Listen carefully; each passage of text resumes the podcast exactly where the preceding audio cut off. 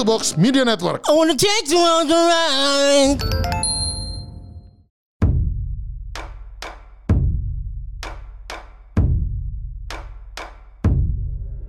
Allahu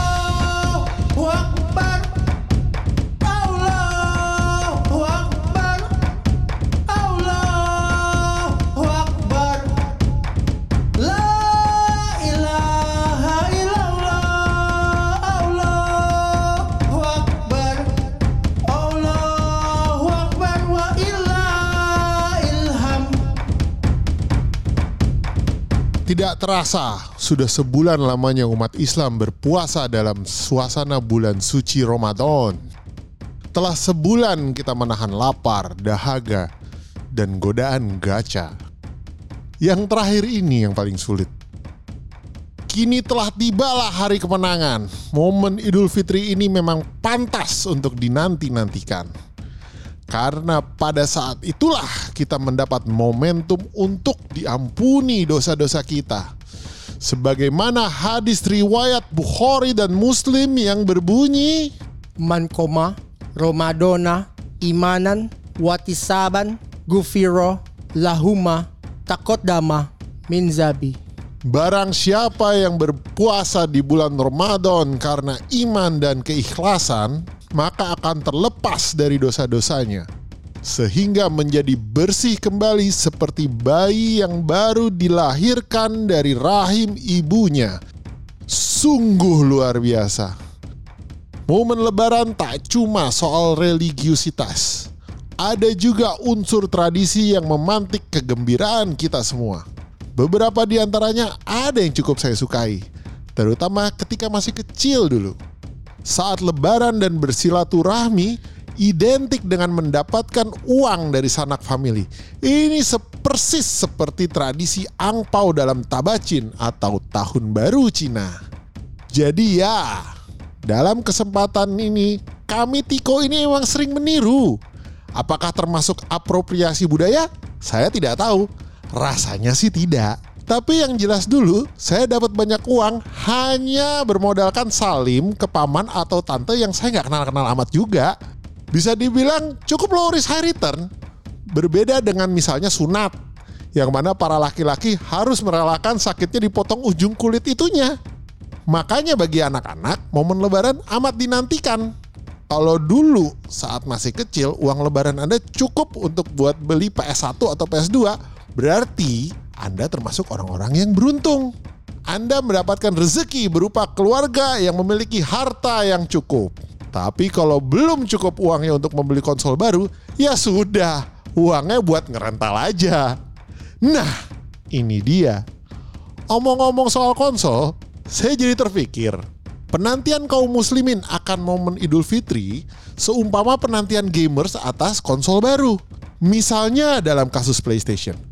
Setelah menunggu sekitar 7 tahun, kehadiran PS5 disambut dengan begitu meriah dan gegap gempita. Persis seperti bagaimana kita menanti pengumuman sidang isbat. Apakah hilal sudah terlihat? Jika sudah, ramailah kemudian umat Islam untuk mengumandangkan takbir. Bedanya dalam hal menanti konsol game PlayStation, yang berwenang adalah Sony, bukan pihak Kemenak atau MUI. Selain itu, ada perbedaan lainnya juga dalam hal pengumuman konsol baru dan pengumuman awal bulan Syawal. Pengumuman awal bulan Syawal tidak pernah menghadirkan kekecewaan. Mungkin ada beberapa orang mukmin yang dalam hati kecilnya bersedih karena keutamaan bulan Ramadan telah meninggalkannya. Wajar-wajar saja. Tapi umat Islam kebanyakan bergembira karena berbagai hal yang saya sebut di awal. Mulai dari turunnya ampunan pada hari Idul Fitri dan juga momen berkumpul bersama keluarga. Yang jelas, tidak ada yang kecewa karena toh kita telah meraih kemenangan setelah sebulan berpuasa. Berbeda halnya dengan menanti konsol atau game baru. Kadangkala atau malah sering kali kita dihinggapi rasa kecewa.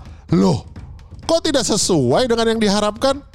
Misalnya, Last of Us 2 yang ceritanya busuk. Tapi ya wajar-wajar saja. Game itu kan duniawi dan kesempurnaan itu hanya milik Allah Subhanahu wa taala. kita makhluknya cuma bisa berupaya untuk lebih baik.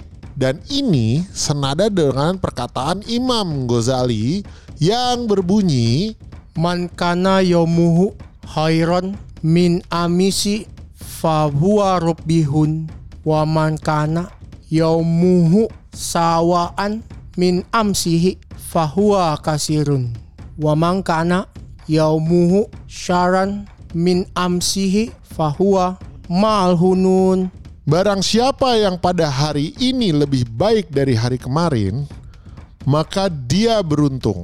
Apabila pada hari ini sama dengan kemarin, maka dia merugi. Dan barang siapa yang hari ini keadaannya lebih buruk daripada hari kemarin, maka ia termasuk orang yang celaka.